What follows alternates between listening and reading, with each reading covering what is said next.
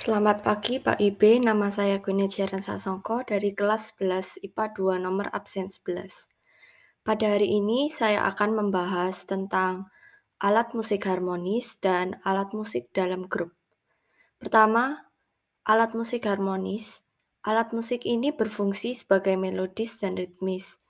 Jadi alat musik ini juga mampu menghasilkan nada dan dapat dimainkan sebagai pengiring dalam paduan nada atau yang lazim disebut akor. Contohnya alat musik tersebut adalah piano, organ, keyboard, gitar, sitar, dan sasando. Alat musik ini dapat dimainkan secara solo karena bersifat mengiringi irama lagu. Selain itu, juga dapat dimainkan untuk mengiringi permainan alat musik yang lain dalam sebuah orkestra. Jadi alat musik ini juga dapat dimanfaatkan untuk memainkan akor yang biasanya berfungsi untuk iringan. Jadi ketika alat musik harmonis digunakan untuk memainkan akor, kita harus pastikan teknik penjarian atau fingeringnya kita benar. Kedua, alat musik dalam grup. Alat musik dalam grup ini pada saat kita memainkan musik dalam grup biasanya disebut dengan ensemble. Ada beberapa jenis alat musik yang dimainkan. Yang pertama ada ensemble sejenis.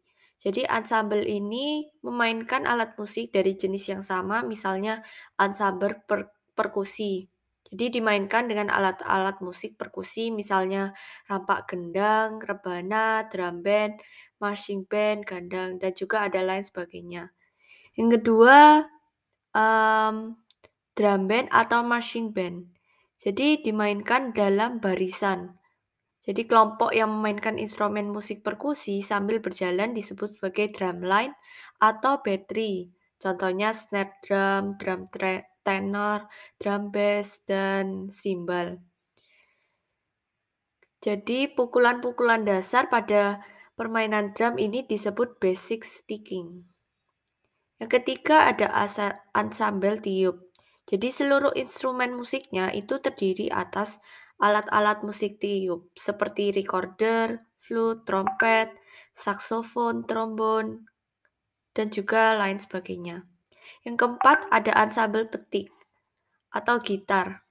Jadi instrumen utama pastinya gitar dari namanya petik pastinya gitar.